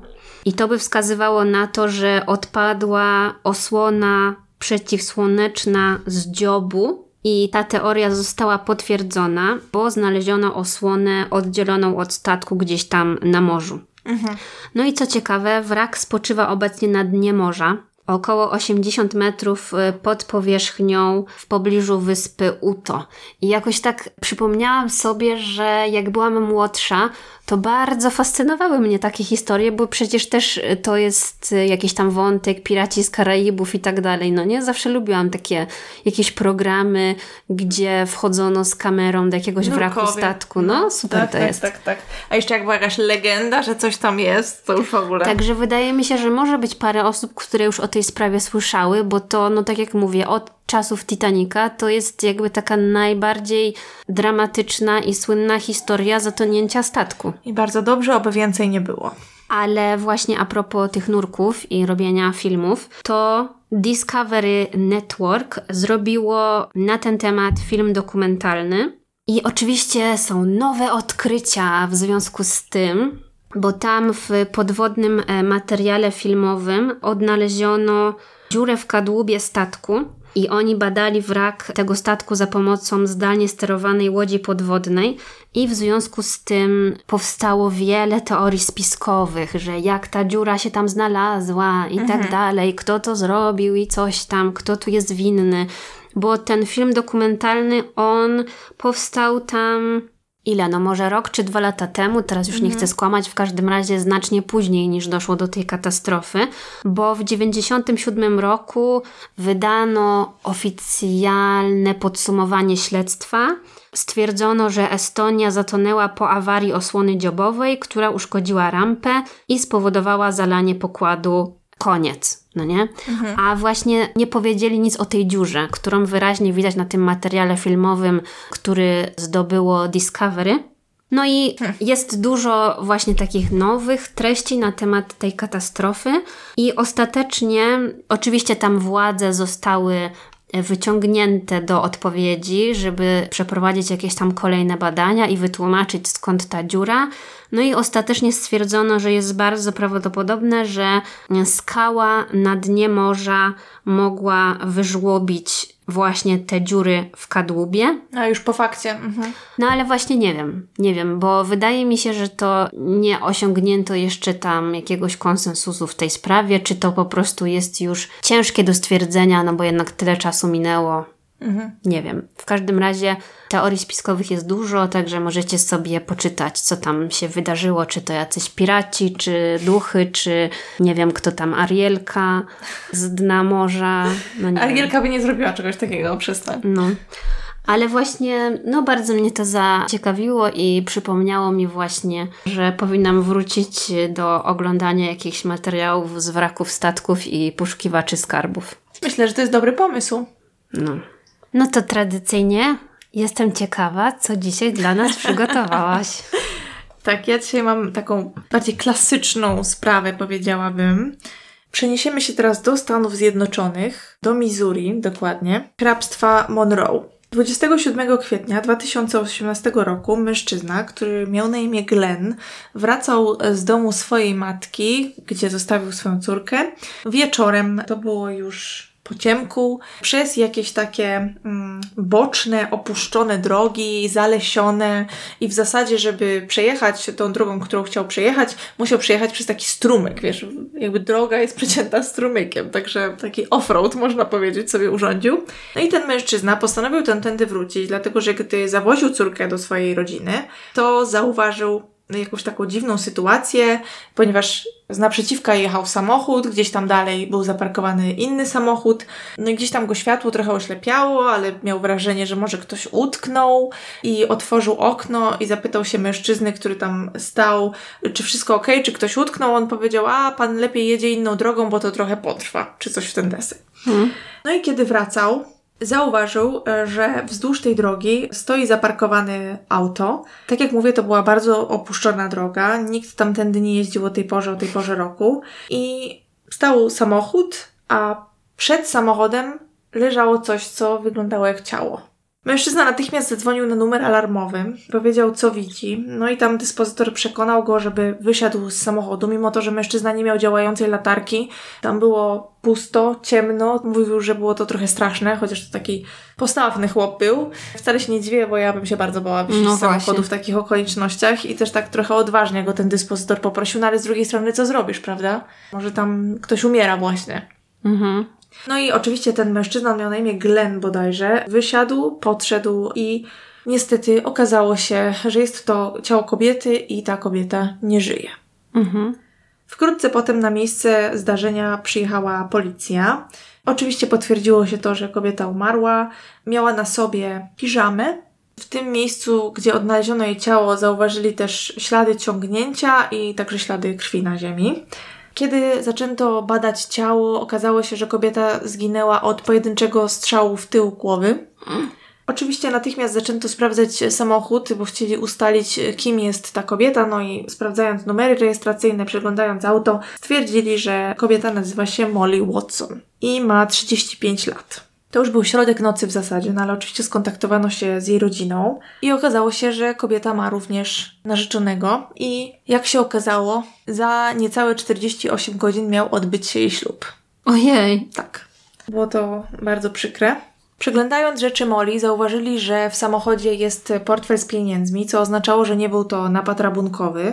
Natomiast brakowało czegoś bardzo ważnego. Brakowało telefonu Molly. No a w tych czasach, bo dosłownie kilka lat temu, ludzie raczej nie ruszają się z domu bez telefonu, a już mhm. na pewno nie, żeby jechać w jakieś opuszczone miejsce, prawda? A jak rozumiem, Molly też była znana z tego, że telefon zawsze miała przyklejony do ręki, korzystała z mediów społecznościowych, miała nawet kanał na YouTubie, gdzie kręciła vlogi, śpiewała, także to było bardzo dziwne. Dodatkowo miała na sobie biżuterię, w tym pierścionek zaręczynowy, no więc, tak jak mówiłam, nie mógł to być napad. W okolicy miejsca zbrodni znaleziono pudełko po amunicji kalibru 22. Stwierdzono, że prawdopodobnie kobieta zginęła od strzału właśnie z podobnego pistoletu, natomiast kula, którą udało wyciągnąć jej z głowy, była doszczętnie zniszczona, więc nie byli w stanie przeprowadzić badań, ale stwierdzono, że strzał został oddany z bliska, że prawdopodobnie był gdzieś tam przytknięty ten pistolet do głowy. Jeden z pracowników biura szeryfa, kiedy wracał na miejsce zbrodni,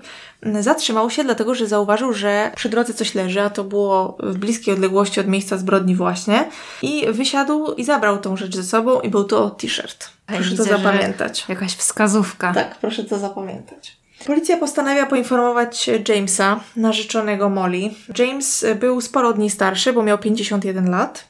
Para poznała się w pracy, oni oboje pracowali w więzieniu jako strażnicy.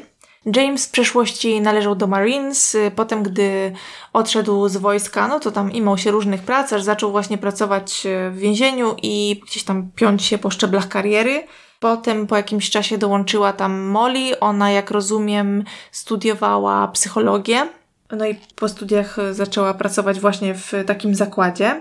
Para była razem od siedmiu lat i tak jak wspomniałam, planowali ślub, który miał odbyć się za dwa dni. Gdy policja przybywa do domu Jamesa, ten otwiera im w szlafroku, to już było po godzinie drugiej w nocy, tam około 2.30. A co ciekawe, w tym domu, poza Jamesem, znajduje się jeszcze jedna kobieta. I ona się pyta, co państwo tu robią. Mm-mm. A oni się w zasadzie, wiesz, chyba chcieli zapytać, a co pani tu robi? No i okazało się, że ta kobieta nazywa się Melanie. Melanie Adi, tak samo jak James, i jest to jego żona, matka dwójki jego dzieci. Aha. Dokładnie. Czyli pan sobie prowadził podwójne życie. Otóż to. Oczywiście policja natychmiast stwierdza, że James jest osobą podejrzaną i zostaje on zaaresztowany, bo to wszystko jest zbyt dziwne. Ale zanim jeszcze go aresztowali, przepraszam, no to oczywiście zapytali się go, co on robił tamtego wieczora i tak dalej. No i powiedział, że około y, siódmej poszedł się spotkać się z kolegą, wrócił o 8.30 a potem odbył rozmowę z Molly, używając sekretnego telefonu, który ukrywał przed żoną. Pokazywał im, że rozmawiał z Molly tam około 20 minut, bo żona jak najbardziej nie wiedziała nic o jakiejkolwiek Molly. Także przyznał się policjantom, że faktycznie ma żonę i jednocześnie prowadził romans z Molly. W zasadzie miał narzeczoną, tak? No. Mhm. Policja zaczyna rozmawiać z rodziną i przyjaciółmi Molly, żeby jak najwięcej dowiedzieć się o jej życiu. Tak jak wspominałam, Molly prowadziła kanał na YouTubie, generalnie była opisywana przez wszystkich jako bardzo radosna dziewczyna, miała dużo hobby, robiła własnoręcznie kostiumy, Miała kilka związków za sobą. Była wcześniej mężatką, za mąż wyszła bardzo młodo. Z tego związku miała syna Deklana, który um, urodził się chory, nie mógł chodzić ale kobieta rozstała się z mężem już będąc w ciąży. I jak rozstała się z mężem, to okazuje się, że to było dlatego, że poznała kogoś innego. Poznała dziewczynę, z którą chodziła w ogóle do przedszkola, ponoć się nie lubiły. I ta dziewczyna miała na imię Amber. No i one najpierw się zaprzyjaźniły, a potem się w sobie zakochały. I tak ich związek trwał kilka lat. Urodził się synek Molly. Jak rozumiem, razem go wychowywały. I wszystko było świetnie, a przynajmniej według Amber bo gdy Molly dostała nową pracę właśnie w tym zakładzie karnym, to okazało się, że spodobał jej się ktoś inny i był to właśnie James. Hmm. Tak. Jak rozumiem, Amber i Molly nie rozstały się od razu, tylko Amber jeszcze niestety zdążyła przyłapać ich kilkukrotnie, na przykład w motelu. Hmm. Więc domyślam się, że było to dla niej e, bardzo nieprzyjemne. Śledząc aktywność e, Molly w mediach społecznościowych, natrafili na wpis na Facebooku, w którym Molly oskarża jakiegoś ex o próby dostania się do jej konta i w tym poście mówi, że prawdopodobnie to była ta sama osoba, która kiedyś groziła mi bronią. No, Amber zaprzeczała, jakoby miała mieć e, coś wspólnego z czymś takim, że nigdy do takiej sytuacji między nimi nie doszło. Pytanie o związek Molly i Jamesa, rodzina i przyjaciele Molly w zasadzie nie mieli za wiele do powiedzenia, bo oni mało go znali. Widzieli go może kilka razy, Chyba nie przepadali za nim. Jak rozumiem, też y, dosyć sporo rodziny mówiło, że nie przyjdzie na ich ślub. Chyba nie dlatego, że nie wiem, pluli na tą uroczystość, tylko, no nie wiem, jakoś nie, czuli potrzeby, mieli inne rzeczy do roboty, czy cokolwiek innego. Nawet brat Molly się wypowiada w y, programie 2020 i mówi, że siostra dzień przed śmiercią go przekonała, żeby on przyszedł na jej ślub, więc nie wiem dokładnie, jak to wyglądało, natomiast to chyba nie był priorytet dla wszystkich. Ciekawe. On był ponoć taki małomówny, nie patrzył za bardzo w oczy, że generalnie ciężko było od niego wyciągnąć jakiekolwiek informacje. No i też widać różnice w osobowościach i zachowaniu Jamesa i Molly na nagraniu z urzędu, do którego poszli po taką licencję, żeby móc wziąć ślub. I to miało miejsce 25 kwietnia, czyli dwa dni przed śmiercią Molly. I na tym nagraniu właśnie widać, że Molly przychodzi pierwsza, tam sobie się śmieje, coś macha rękami. Przychodzi James, to ona gdzieś tam, wiesz, kładzie mu rękę rękę na ramieniu, jakoś tam się przytula do niego, on stoi taki sztywny, nie? Hmm. Więc no tak trochę dziwnie, jakby nie był specjalnie szczęśliwy z tego, co się dzieje. No ale na przykład w dzień śmierci Molly James udał się do tego hotelu, do tej sali weselnej, gdzie miał odbyć się ich ślub, zawieźć tam różne ozdoby na stół i tak dalej, no i według osób, z którymi rozmawiał, zachowywał się jak zwykle, czyli chyba nijak, bo on nie był jakiś specjalnie wylewny ale miał powiedzieć wedding planerce, że Molly doprowadza go do szału, jak e, zapytała go, czy jest podekscytowany uroczystościami, które nadchodzą. No, to nie jest wiadomość, e, którą Molly pewnie chciałaby usłyszeć od swojego narzeczonego. Ale w ogóle nie rozumiem, jak mu się tak nie podobało, no to czy ktoś go do tego zmuszał? No właśnie, nie wiadomo. James powiedział Molly, że miał cztery były żony, i tak też powiedział urzędnikowi, który go zapytał, czy był już wcześniej żonaty. I powiedział, że ostatnią jego żoną była Melanie i y, między nimi do rozwodu doszło 6 miesięcy wcześniej. Aha, czyli po prostu mm, trochę nagiął rzeczywistość. Troszeczkę, troszeczkę. Co ciekawe, dosłownie przed ślubem na kilka dni przed ślubem James powiedział Molly, że Melanie umarła w wyniku obrażeń spowodowanych przez wypadek samochodowy. Do tego wypadku samochodowego miało dojść w okolicy świąt. Potem ona była w szpitalu, natomiast y, postanowili ją odłączyć od respiratora. Nie wiadomo, dlaczego to powiedział, bo my już w tym momencie wiemy, że Melanie żyła i miała się świetnie, a co więcej, nadal była jego żoną. No tutaj hmm. motywacja może być różna. Może myślał, że dzięki temu przesunął ten ślub, tak? Że coś zyska. No i w ogóle Molly generalnie wiedziała, że James miał tą żonę Melanie, wiedziała o jego córce Emmie i tak dalej, dlatego że gdy oni się zeszli, no to James jeszcze był z żoną.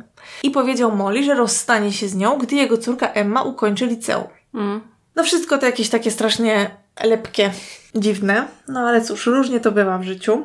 Tak jak wspomniałam, policja otrzymała od Jamesa telefon, który używał tylko po to, żeby kontaktować się z Molly, który ukrywał przed żoną. No i faktycznie tam był dowód na to, że para rozmawiała 22 minuty, około 20.30, czyli wtedy, kiedy według Jamesa wrócił do domu. Później jeszcze wysłał kilka SMS-ów, najpierw tam pytając tam o jej wieczór, kolację czy cokolwiek, a potem, a no dobrze kochanie, to porozmawiamy jutro. Na miejscu zbrodni udało odnaleźć się śledczym ślady opon. Odcisk takiego, wiesz, napisu na oponach plus po prostu ślady opon i oczywiście zrobili z nich e, odlewy po to, żeby móc w przyszłości porównać. E, mężczyzna, który odnalazł ciało Molly, powiedział, że ten mężczyzna, którego mijał wcześniej tego wieczora, to był starszy biały mężczyzna i w programie 2020 też to podkreślali, jeździł samochodem dla starszych pań, czy tam dla babci. Czyli jaki? Nie wiem, co to znaczy. W każdym razie tyle razy to podkreślali. A potem jeszcze jak pokazali auto Jamesa, to powiedzieli, że no, że pasuje do opisu. Ja nie wiem, co to znaczy naprawdę, no ale okej. Okay. Może nie miał po prostu 16-kołowej bestii, wiesz, do jeżdżenia do sklepu spożywczego. Naprawdę, no, no nie wiem. W każdym razie, kiedy zaczęto oglądać e, samochód e, Jamesa i patrzeć na jego opony, stwierdzili, że to są opony właśnie firmy, której ślady znaleziono na miejscu zbrodni, że to była firma Goodyear, prawda? Oni znaleźli takie dwa O odbite właśnie przy miejscu, gdzie znaleziono ciało. Poza tym, też niedaleko miejsca, w którym doszło do morderstwa, odnaleziono telefon Molly. No i ten telefon był prawdziwą skarbnicą wiedzy, dlatego że wynikało z niego, że kobieta jadąc na miejsce, gdzie znaleziono jej ciało, rozmawiała przez 22 minuty właśnie z Jamesem Addy. Hmm. Tak. Oczywiście było też na tym telefonie mnóstwo korespondencji, zresztą tak samo jak e, na telefonie Jamesa, który używał do kontaktowania się z Molly. Z tej korespondencji wynikało, że Molly bała się, że James ma jakieś wątpliwości, więc może zauważyła jakąś różnicę w jego nastroju, w jego nastawieniu i pytała się go, a czy na pewno tam nie zmienisz zdania z powodu tam jakichś moich stanów lękowych czy czegoś. On mówi, nie, no co ty kochanie, mm, no jakby mógł zmienić zdanie. Ale tutaj pojawia się pytanie, czy przypadkiem Molly czegoś nie podejrzewała, dlatego że w jej telefonie znaleziono, że wyszukiwała informacji na temat nekrologu Melanie. Mhm. I to wyszukiwała najróżniejsze hasła, tylko po to, żeby sprawdzić, czy jakiekolwiek informacje o jej śmierci faktycznie w internecie są. Poza tym, w toku śledztwa okazało się, że Molly poznała też córkę Jamesa, Emmę. Co? Tak. Natomiast ona nie poznała jej jako, proszę dzień dobry, jestem kochanką slash narzeczoną twojego ojca, tylko jako miłą panią, która pomoże jej zrobić kostium. Że James poprosił Molly, żeby ta przygotowała kostium dla jego córki Emmy, jak go potrzebowała, a Emmie powiedział, chodź zaprowadzę cię do takiej znajomej z pracy, co to robi kostiumy. Nic z tego nie rozumiem. No ale tak jak mówię, no jego córka nie wiedziała, że to jest kochanka ojca, tak? Może to było w tej początkowej fazie związku, kiedy on, wiesz, mówił Molly, że ach, moje dziecko musi najpierw skończyć liceum, czy coś w ten deseń. Tego już nie wiem. W każdym razie doszło do takiej sytuacji.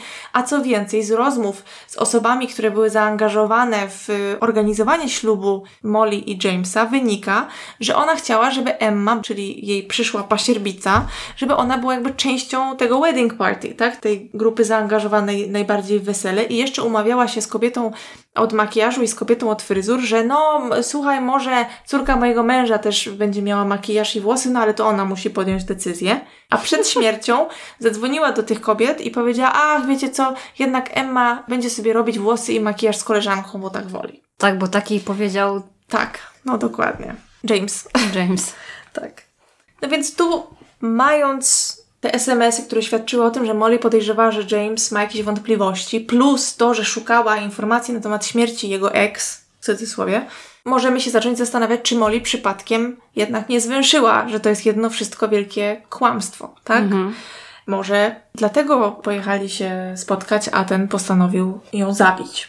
James trzy lata siedział w areszcie, aż w końcu w kwietniu 2021 roku rozpoczyna się proces. Może warto tutaj dodać, że jeżeli mikrofon łapie dyszenie, to nie jest to nasze dyszenie, tylko Jogiego, bo usadowił się tak, myślę, że może go łapać. Chyba jest mu gorąco.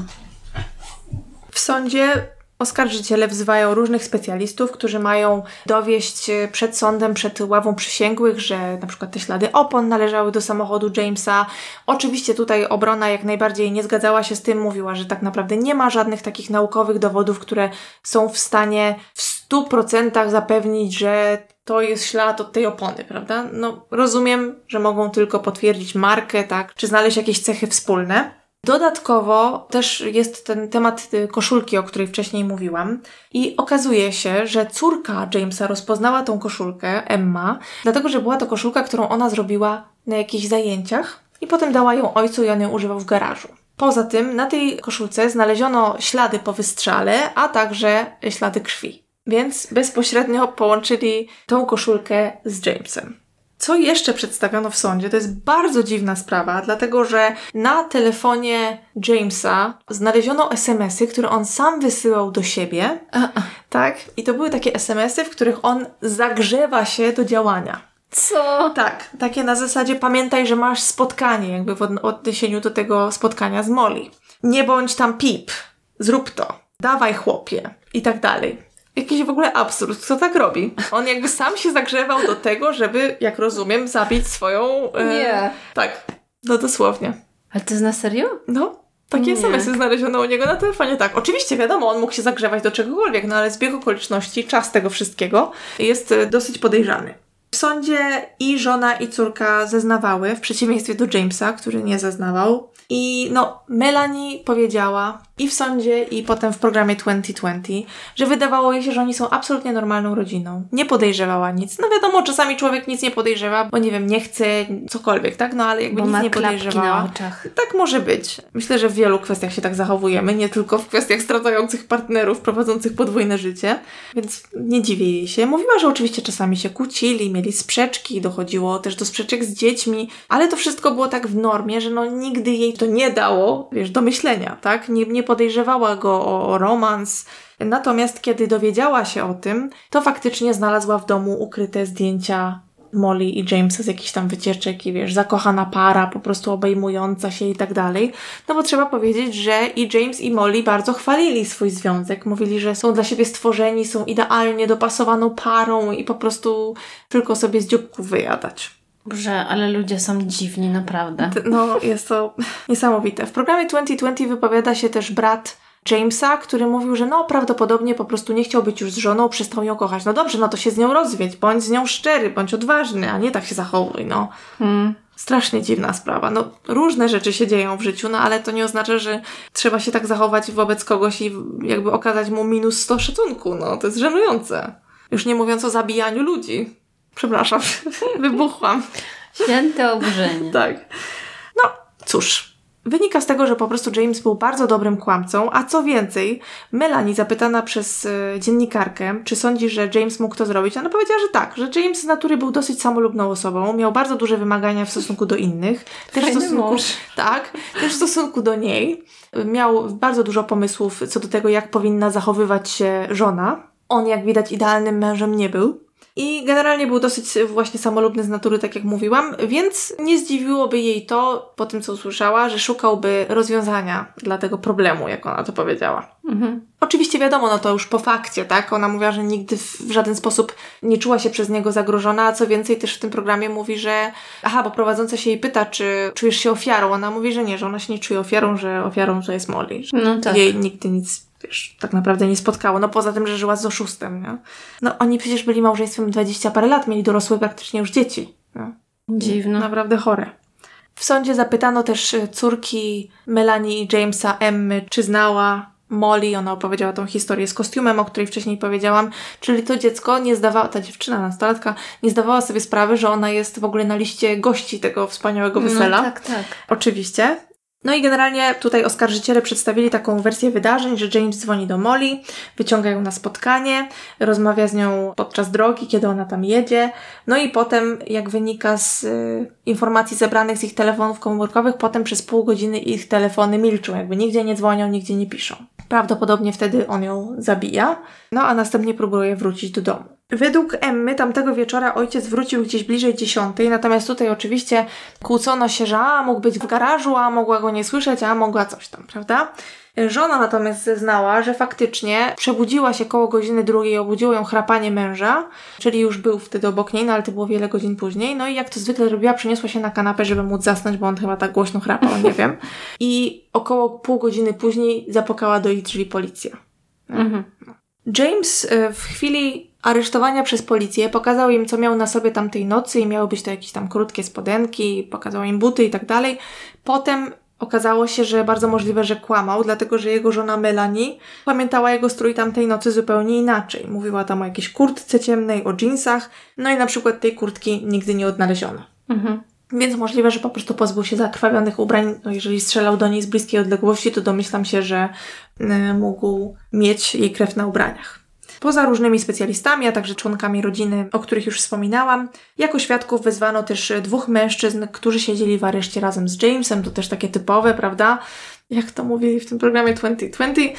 No i oni oboje powiedzieli, że James, zapytany na stołówce, za co tam jest, powiedział, że on to powiedział oczywiście w taki bardzo kolokwialny sposób, ale generalnie chodziło o to, że kogoś zabił, że ktoś przez niego wylądował w rowie. Aha. No, ciężko tego nie uznać za przyznanie się.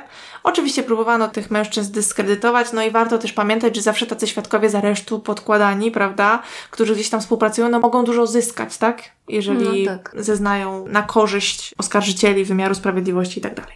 Tak jak wspominałam wcześniej, James nie zeznawał, a co więcej, obrona Jamesa nie wezwała żadnych świadków. Ława przysięgłych obradowała przez e, trochę ponad dwie godziny. No i kiedy wrócili, uznali Jamesa winnego morderstwa pierwszego stopnia. Co ciekawe, ten proces odbył się w maskach. Jak e, będziecie chcieli, możecie sobie zgooglać. Jest trochę urywków na kanale Court TV na YouTubie. Dwa miesiące później dochodzi do określenia wyroku przez sąd. No i tutaj sąd zdecydował, że James dostanie dożywocie bez możliwości wyjścia. I tutaj już nagle okazało się, że James ma sporo do powiedzenia, ponieważ oczywiście tam sąd zapytał się go, czy chciałby coś powiedzieć, a ten wstał i zaczął czytać list miłosny do Molly w którym mówił, jaka to była jego największa miłość życia i płacze generalnie. Mhm. A następnie mówi, że chciałby, żeby jego proces odbył się ponownie, dlatego że według niego jego obrońca nie spisał się nie zapewnił mu należytej obrony i w zasadzie nie wykorzystał niczego, co James sugerował czy też mu dawał. Na przykład informacje, posty z mediów społecznościowych, czy też y, informacje z telefonów itd. Tak James powiedział, że Molly miała ex, który czy która mieli ją prześladować. Natomiast według prokuratury nie było y, żadnych dowodów na to, żeby faktycznie ktoś ją prześladował, czy byłby jakiś inny podejrzany, który mógłby coś takiego zrobić. Melanie złożyła pozew o rozwód wkrótce po tym, jak James został aresztowany, także już w momencie procesu, jak rozumiem, oni nie byli małżeństwem. Powiedziała, że po jego aresztowaniu odwiedziła go w więzieniu i on ją przepraszał za to, że miał ten romans, tak? E, natomiast twierdził, że on Molly nie zabił. To kto? No właśnie to jest problem, bo tak naprawdę nie ma żadnego innego kandydata, przepraszam, że, że tak powiem. No i nie ma żadnego innego motywu. Jedyną osobą, która miała motyw tutaj jest James, bo wyszło na jaw jego kłamstwo, tak? No ja myślałam cały czas też, że to może jego żona. Chyba nie. No właśnie, ale jakby jedyne co, no to albo kochanek albo kochanka żona. No właśnie. Nie wiem, no fakt, że tutaj dla tej żony musiał być niezły szok, że on jechał w delegację, a potem znalazła zdjęcia, patrzy, że oni byli sobie na wycieczce na Florydzie, nie? I tam, nie wiem, hmm. uśmiechają się w basenie, czy cokolwiek. To musiało być naprawdę strasznie przykre, bo ich związek trwał 7 lat, a małżeństwo Jamesa i Melanie trwało chyba 22, 23, coś takiego, więc to jest porządny kawał z tego, no. nie? Fakt, że ten związek Molly i Jamesa był taki on again, off again, czy jak oni tam to mówią, że jednak czasami się rozstawali i tak dalej, no ale tak czy inaczej. Mhm. Także wydaje mi się, że niestety chyba musimy się zgodzić z wyrokiem, no bo nie ma po prostu innych żadnych kandydatów. Ta ex Molly Amber się zarzekała w programie 2020, że ona w życiu, wiesz, nie, nie groziła jej, nic nie robiła i tak dalej. No nie wiem, wygląda na miłą kobietę, no ale wiele osób no. wygląda na miłe. Zawsze mówiła dzień dobry. Tak, zawsze mówiła dzień dobry. Bardzo mi się podoba, jak w tych programach zawsze wybierają takie najgorsze zdjęcia tych ludzi, nie? Że, na których wyglądają jak albo ktoś taki zły, albo po prostu opętany przez szatana. Tak jest zresztą w przypadku zdjęć e, mężczyzny ze sprawy z zeszłego odcinka mojego, że pokazywali tylko jakieś takie zdjęcia, gdzie on po prostu wygląda jak e, szatan. No, także. Mm. Zresztą już pewnie widzieliście na Instagramie. No nieważne. To by było na tyle. Mam nadzieję, że nic nie pominęłam. Jak zwykle dziękujemy naszemu asystentowi Jogiemu, który dzisiaj nam dyszał do mikrofonu, ale jest gorąco w naszym studiu nagraniowym dzisiejszym. nie obwiniamy go. Myślę, że jest to dodatkowy efekt dźwiękowy. Tak, także dziękujemy za uwagę i do usłyszenia za tydzień. Do usłyszenia.